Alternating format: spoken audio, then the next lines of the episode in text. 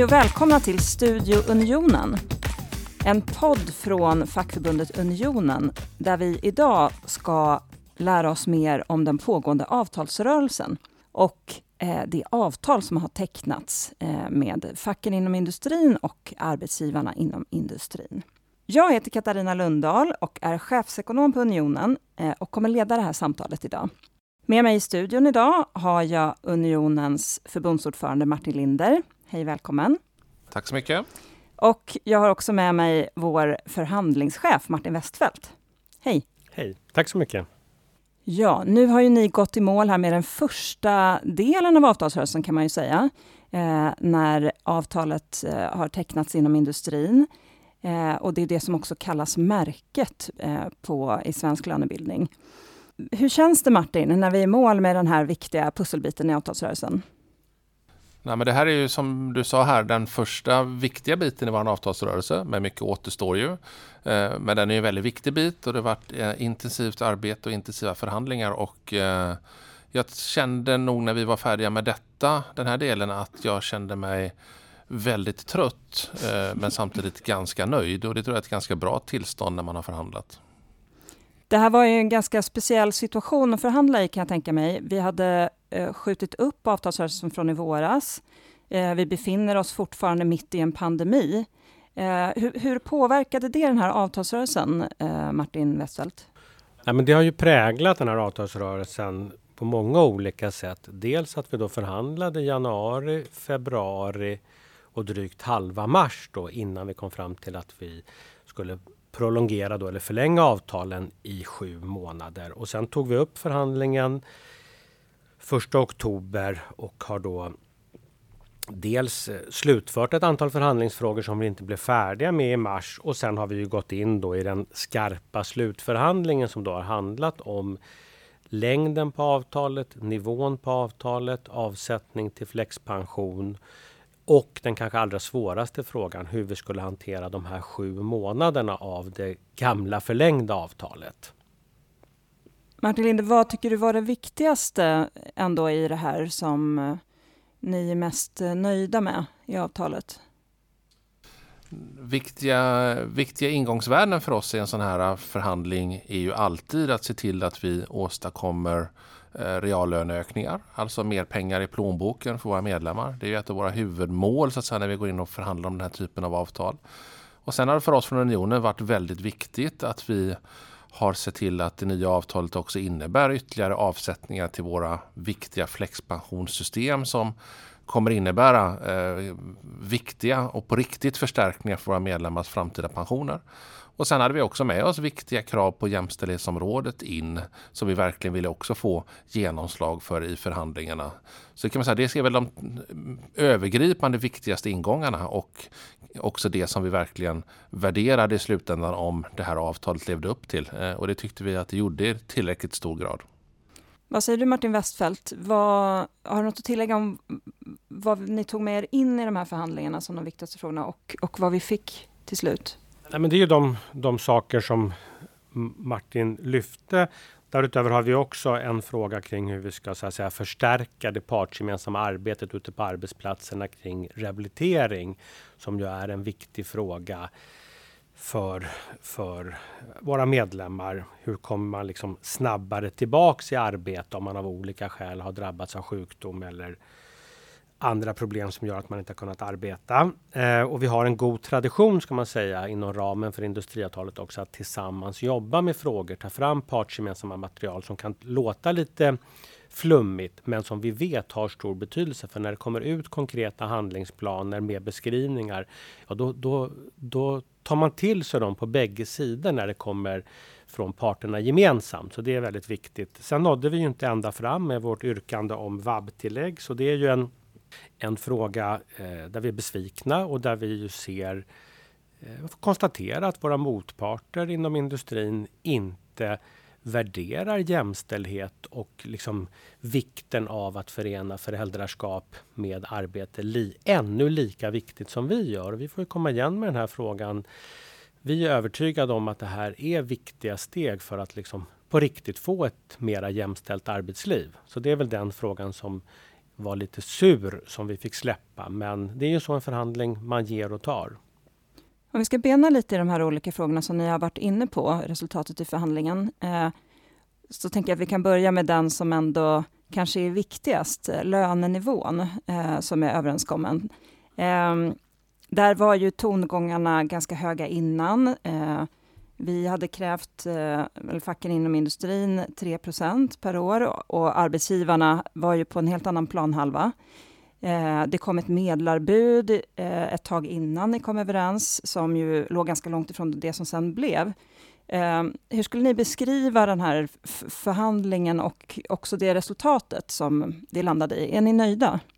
Det var ju väldigt viktigt för oss tillsammans med våra fackliga Eh, medförhandlare inom eh, facken inom industrin eh, där vi samarbetar väldigt intensivt och nära in i en avtalsrörelse att vi den här gången ställde krav på 3 i löneökningar, vilket då var något högre än i föregående förhandling inför föregående, i föregående avtalsrörelse. Och det, där har vi varit väldigt tydliga med att vi tycker att det finns utrymme för att absolut inte takta ner löneökningstakten eh, och framförallt göra en liten uppjustering. Eh, och tittar man nu på var vi landade hän så landade vi på 5,4 procent på 29 månader. Och räknar man om det till en årstakt då så eh, blir det en årstakt på 2,23 jämfört med 2,17 i föregående avtalsperiod. Så det är just en liten uppjustering. Det kan låta som lite när man då räknar hundradelar så här men samtidigt ska man sätta det i perspektiv att det här har vi liksom lyckats åstadkomma i den här väldigt speciella och tuffa situationen eh, med en global pandemi med eh, stor osäkerhet eh. men vi har ju ett långsiktigt perspektiv på lönebildning där vi tycker att vi inte ska här, maximera Eh, det maximala utfallet när det går bra och det ska framförallt inte vara liksom det sämsta möjliga utfallet när det går dåligt. Så vi har stått fast i vår bedömning att det finns utrymme att justera upp löneökningarna något och det har vi lyckats med. Och det tycker jag ändå man får vara ganska eh, nöjd med och att det är ganska viktigt också att vi har lyckats med det. Eh, också för framtida avtal vi ska teckna. Jag vet att eh, något som ju har varit svårt för er alla förhandlare den här gången är ju att det går så olika för olika branscher i svensk ekonomi just nu, just på grund av pandemin. Eh, vad har det betytt i avtalsrörelsen och hur tänker ni kring det? Nej, men det har ju kan man säga varit lite omvänd spelplan. De tidigare avtalsförhandlingarna eh, sedan 97 då industriavtalet kom till har ju ofta präglats av att industrin har haft en lite sämre position än de mera inhemska marknaderna eller sektorerna i Sverige. Och en viktig parameter är ju just konkurrenskraften för industrin och den internationellt konkurrensutsatta sektorn. Den här gången har faktiskt industrin haft lite bättre förutsättningar. Och eh, det är ju en förklaring till att vi ändå nådde, skulle jag säga, till en så pass bra nivå som vi gjorde. Eh, och det är ju viktigt också för industriavtalets trovärdighet och för det här systemet att det här märket nu respekteras och att vi satte ett rimligt och bra märke även i den här besvärliga situationer. Ett sådant här lång, långsiktigt eh, och så att säga robust system behöver klara även den här typen av utmaningar och det eh, tycker vi att vi genom det här avtalet har levererat på. En annan fråga ju som eh, ju alltid, jag vet ni förhandlar och pratar mycket om på slutet, det är ju längden på avtalet och det här blev ju ett långt avtal 29 månader och räknar man in de månader som gick eh, sen i mars så blir det ju tre år. Ehm, det finns ju stora fördelar med ett långt avtal kopplat till stabila spelregler och förutsägbarhet och så. Ehm, men det har ju också luftats en del kritik kopplat till att läget är så osäkert och kanske är det bättre att vänta tills man vet lite mer Eh, om utvecklingen eh, på lite sikt och så. Eh, hur ser ni på det här, avvägningarna mellan kort och långt avtal i, det, i just det här speciella läget? Nej, men vi, eh, vi ställer ju alltid våra avtalskrav utifrån ett ettårsavtal. Det är så vi börjar förhandlingen. Eh, sen så tycker vi ju att om det finns rätt förutsättningar så är det såklart vi är beredda att teckna ett längre avtal. och det är ju alltid en avvägning. Sen så måste man fundera på i ett kort avtal så brukar det alltid vara så eh, att då är det väldigt svårt för oss att få genomslag för andra förändringar. Eh, när vi tecknar ett lite längre avtal så finns det förhandlingsmässigt möjlighet för oss att få in också andra förändringar där vi ändå fått in den här gången saker runt rehabilitering, jämställdhet, avsättningar till flexpension. Eh, man måste ju också fundera på, eller det är väldigt lätt att vara Eh, i efterhand vet man ju vad som var rätt och fel. Eh, det som är det lite unika här är ju att eh, vi parter som tecknar de första avtalen, vi tecknar just de första avtalen. Och då får man göra det bästa man kan utifrån de bästa analyserna man kan och liksom lita på att man gör ett så bra vägval som möjligt. Och, man kan ju se att ett längre avtal skapar ju också en stabilitet. Vi vet nu att vi har Eh, löneökningar eh, för 29 månader framåt. Eh, det är ju ingen som vet vilken situation vi kommer vara i om ett år, om ett och ett halvt år om vi skulle förhandla då. Så vi tycker att det är inget egenvärde i sig, alltså bara titta på längden på avtal, utan det är ju innehållet i avtalet som är det viktiga. Och vi vet att vi har större förutsättningar att få till mer innehåll i avtalet om vi tecknar lite längre avtal. Och det har vi gjort även den här gången.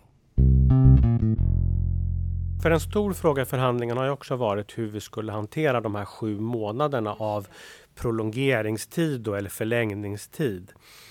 Och då kan man väl säga att där spelade längden också stor betydelse att det då blev 29 månader. För att hitta en modell här för att för att på något sätt eh, kompensera. Lösningen blev ju här att det är ett ganska framtungt avtal där 2,8 procent går ut i löneökning nu 1 november och 0,4 procent i flexpension. Alltså en väldigt stor del av det här avtalsvärdet 5,4 kommer tidigt och det är ju viktigt. För den höjningen ligger ju sen nästa höjning till grund för och pengar in i pension är ju mera värda ju tidigare de kommer. Så att den lösningen hade också varit mycket svårare att få till i ett kortare avtal. Eh, den andra faktorn som, man, som spelar in här är ju att parterna har varit överens om att den här eh, normala tidpunkten att sätta märket 1 april, den är logisk och bra ur många olika aspekter. Och det gjorde ju att det blev den här lite udda tiden då på 29 månader för att så att säga nästa gång förhandla vid den normala tidpunkten på året. Eh, om vi kommer då tillbaka till det här med flexpension så är det ju någonting som Unionen har drivit länge. För de som inte kanske är så bevandrade, kan ni förklara någonting kort om vad det är och vad eh, vi har fått igenom den här gången? Flexpension består ju enkelt uttryckt av två delar egentligen. Eh, dels innebär det att vi har sett till i avtalen att man när man närmar sig pensionen eh, får chansen och möjligheten att gå ner i arbetstid för att på det sättet kunna jobba fler år i arbetslivet och på det sättet kunna förstärka sin pension.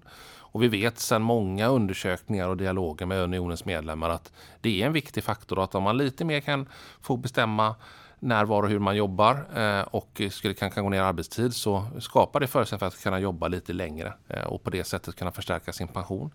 Eh, men sen den andra delen i flexpension som är ju att vi ser till att det sätts in ytterligare pengar till våra framtida tjänstepensioner. Eh, och som sagt under den här avtalsperioden som vi nu har tecknat avtal för så kommer det sättas in ytterligare 0,4 procent av lönen. Eh, och det görs ju varje månad. Eh, och det görs också i det här avtalet då från första dagen. Från 1 november i år kommer det sättas in ytterligare pengar. Och tittar man på det största avtalet som vi har inom industrin så gör det att vi med den här avtalsperioden inräknad jämfört när vi började med flexpensionssystemet så kommer vi på varje gång lönen betalas ut så kommer det betalas in 1,7 procent eh, extra till ens eh, tjänstepensioner. Och det där kommer ju ha stor effekt på våra medlemmars framtida pensioner. Så det är en väldigt, väldigt viktig del.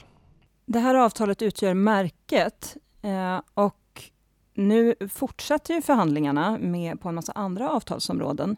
Hur ser ni på eh, de fortsatta förhandlingarna nu i relation till det här märket som har setts? Också i ljuset av att eh, situationen ser ganska olika ut i olika branscher idag, eh, Martin Westfeldt? Ja, nej, men då är ju vår utgångspunkt, och det är ju väldigt viktigt att säga, är ju att det här märket är då väl avvägt för hela arbetsmarknaden. Sen är ju situationen så och så är det egentligen alltid, att det går olika bra i olika branscher. Men ska den här lönebildningsmodellen fungera, ja då, må, då behöver märket respekteras brett på arbetsmarknaden. Och det är ju vår utgångspunkt och det vi kommer strida stenhårt för.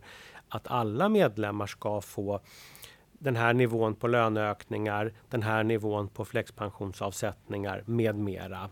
Ehm. Och då tolkar jag det som att märk, alltså märket är ju till för, del för att, dels för att bevara den internationella konkurrenskraften, men också ju för att då se till att alla faktiskt får rimliga löneökningar. Och Precis är, så. Mm. Ja. Nej, men det är ju väldigt viktigt, för där glömmer man ju ibland att att det finns ju alltid grupper i varje avtalsrörelse som om de skulle förhandla helt på egen hand inte har tillräcklig kraft eller kollektiv styrka för att få igenom. Och då är det viktigt att vi sätter det här märket och att vi har det som så att säga utgångspunkt i alla avtal som följer efter. Det är ju huvuddelen av unionens medlemmar har ju avtal som ligger utanför industrin. Så att det är ju en stor och lång resa som väntar och den kommer ju garanterat kantas av en del svåra förhandlingar. Det kanske kommer krävas stridsåtgärder på vissa områden och så för att driva igenom märket. En eh, fråga som har svävat över avtalsrörelsen ända sedan i våras, det är ju också eh, hur, eh, vilken kompensation alla de som har jobbat eh, med pandemin och i vården och så ska få. Eh, nu har ju också Kommunal tecknat ett avtal eh, hur ser ni på den frågan i ljuset av det och att eh, vi själva har gått i mål med industriförhandlingen? Ja, nej men den frågan har ju svävat över det här och eh, har ju utgjort en st stor utmaning. Och som jag sa då så var ju vår lösning i märket att det är framtungt och att en stor del av löneökningen och flexpensionsavsättningen kommer tidigt. Det gör ju så att säga pengarna mera värda än om de kommer i slutet. Eh, Sen är vi medvetna om att det finns eh, det fanns en förväntan eh, på att man skulle få ytterligare kompensation som inte gick att lösa. Det här blev den bästa möjliga lösningen i det här läget. Eh, och då får man konstatera att, att eh, inom kommunal sektor så har eh, arbetsgivarna varit beredda att kompensera något ytterligare. Och ehm, det är då ett engångsbelopp huvudsakligen så att det påverkar inte den långsiktiga nivån och därmed kan man säga att det inte skadar märkesättningen.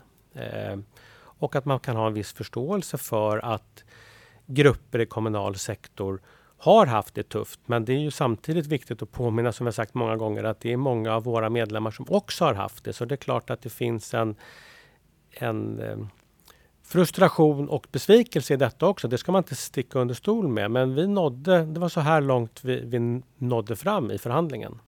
Ja, jag tänker att eh, det här, modellen med märkesättning, den här lönebildningsmodellen har vi nu haft i över 20 år. Eh, och man kan säga att en gång är ju ingen gång, men nu kan vi överblicka över 20 år eh, med detta. Eh, och då kan vi ju se att den här modellen vi har haft under de här 20 åren har ju bidragit till att breda grupper på arbetsmarknaden i Sverige, eh, både arbetare och tjänstemän i olika sektorer, Eh, har under den här perioden, jämfört med hur det sett ut i många andra länder, fått väldigt bra reallöneutveckling, alltså löneutveckling i relation till eh, inflationen, mer pengar i plånboken.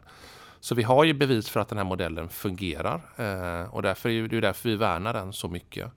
Sen är ju en stor diskussion har ju ofta varit att om den här då modellen låser för mycket så att man inte kan göra olika omprioriteringar i olika branscher.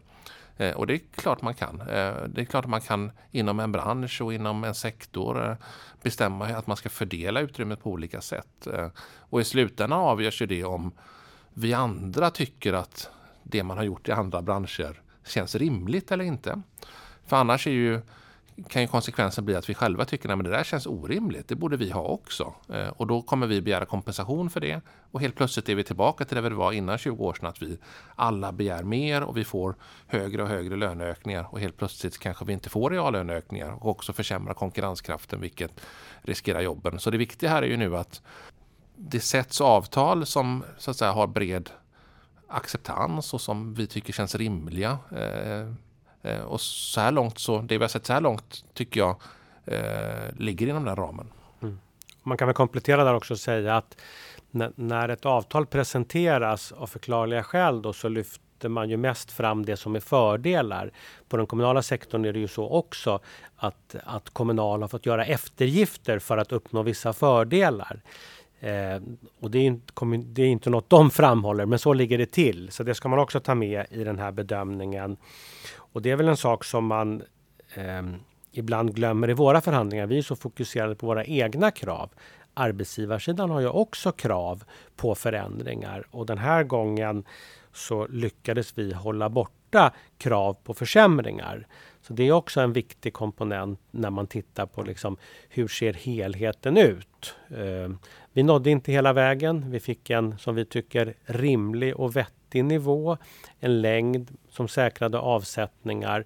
Och sen finns det ett antal mindre komponenter som också var viktiga i förhandlingen eh, som vi lyckades lösa tack vare att det blev ett lite längre avtal. Nu ska vi strax runda av det här samtalet. Eh, men innan vi gör det så vill jag fråga er om ni har något särskilt som ni vill säga till alla våra förtroendevalda och våra medlemmar runt om i landet? Nej, men det blir ju ofta mycket fokus på eh, vad som görs i förhandlingsrummen eh, i Stockholm under ett antal veckor. Det blir media på det, det är presskonferenser eh, och vi tecknar avtal och vi sitter i den här typen av poddar och pratar om överenskommelsen. Eh, Sen är det så att eh, avtalet är ju någonting som faktiskt reglerar varje enskild medlems eh, arbetsliv, arbetsvillkoren eh, och också hur lönen ska hanteras och utvecklas. Så här är det ju väldigt viktigt att om vi inte på riktigt lyckas omsätta det här i också fackligt arbete, kunskap, tillämpning, dialog, engagemang i avtalet ute på arbetsplatserna eh, så eh, kommer vi inte få den styrkan i avtalet som vi behöver. Och här är ju alla våra fantastiskt duktiga och engagerade förtroendevalda vår allra viktigaste resurs att tillsammans med medlemmarna ute på arbetsplatserna eh, nu ta sig an det nya avtalet, eh, förstå det och driva det för att det på bästa sätt ger det utfall som är tanken ute på arbetsplatserna. Avtalsförhandlingen bedrivs intensivt under några veckor men avtalet ska tillämpas varje dag i 29 månader och där finns det ju vissa saker som, som inte får så mycket uppmärksamhet. Till exempel har vi ju nya åldersregler. Att man ska kunna jobba längre upp i arbetslivet och på vilket sätt då en anställning ska kunna avslutas och vilket skydd man har om man väljer att fortsätta att jobba efter 65 års ålder som vi tror långsiktigt är väldigt viktiga. Det är inte jättemånga idag som jobbar över 65 år, men det är fler och fler och därför är det viktigt att den gruppen har ett bra skydd och eh, på ett rimligt sätt vet vad som gäller. Och det lyckades vi lösa i den här avtalsförhandlingen också. Martin Linde, vad skulle du säga är det absolut viktigaste i det här avtalet som vi har fått igenom? Nej, men ska man lyfta liksom tre saker i det nya avtalet så säga att eh, dels har vi tecknat ett avtal som kommer ge medlemmarna mer pengar i plånboken genom de löneökningar som är. Vi ser till att det sker eh, tydliga ytterligare avsättningar till våra flexpensionssystem och att vi också fått igenom förändringar som kommer bidra till att förbättra jämställdheten ute på arbetsplatserna. Martin Westfeldt, eh, vad ser du som de viktiga pusselbitarna som vi har fått in i själva avtalet? Nej, men det är ju såklart den här eh, nivån och då det faktum att en stor del av avtalsvärdet då, som är 5,4 procent på de här 29 månaderna, att det faller ut då den 1 november 2,8 procent i lön, 0,4 procent i flexpensionsavsättning som då läggs till de tidigare avsättningsnivån. Och sen kommer nästa löneökning den 1 april 2022 på 2,2 procent. Det här är ju ett relativt långt avtal. Eh, går det att säga upp under tiden? Hur är det upplagt avtalet? Ja, traditionen är ju att när det är ett längre avtal så är sista året uppsägningsbart och så är det även i detta avtal då så att sista september 20, 2021 finns det en möjlighet att säga upp avtalet. Men man ska veta där att det är som en yttersta nödventil om saker skulle förändra sig väldigt mycket. I industriavtalets historia har aldrig ett avtal blivit uppsagd så att utgångspunkten nu är att det här är märket för 29 månader. Vi förhåller oss till det och vår bedömning är ju att det här kommer ge mer pengar i plånboken, alltså reallöneökningar och vi tror ju inte att inflationen kommer överstiga 2 och då är vi trygga i att det kommer resultera i i reallöneökningar för våra medlemmar. Och det är ju det i särklass viktigaste målet med industriavtalet, att vi just ska få reallöneökningar. Ja, då avslutar vi det här poddsamtalet. Tack Martin och Martin för att ni var med och eh, tack ni alla som har lyssnat på Studio Unionen. Vi kommer komma tillbaka med fler spännande samtal i poddformat längre fram. Eh, och du som vill fördjupa dig i fackliga frågor, bli medlem eller på annat sätt engagera dig, eh, besök unionen.se. Vi hörs nästa gång. Tack för idag och ha det så bra.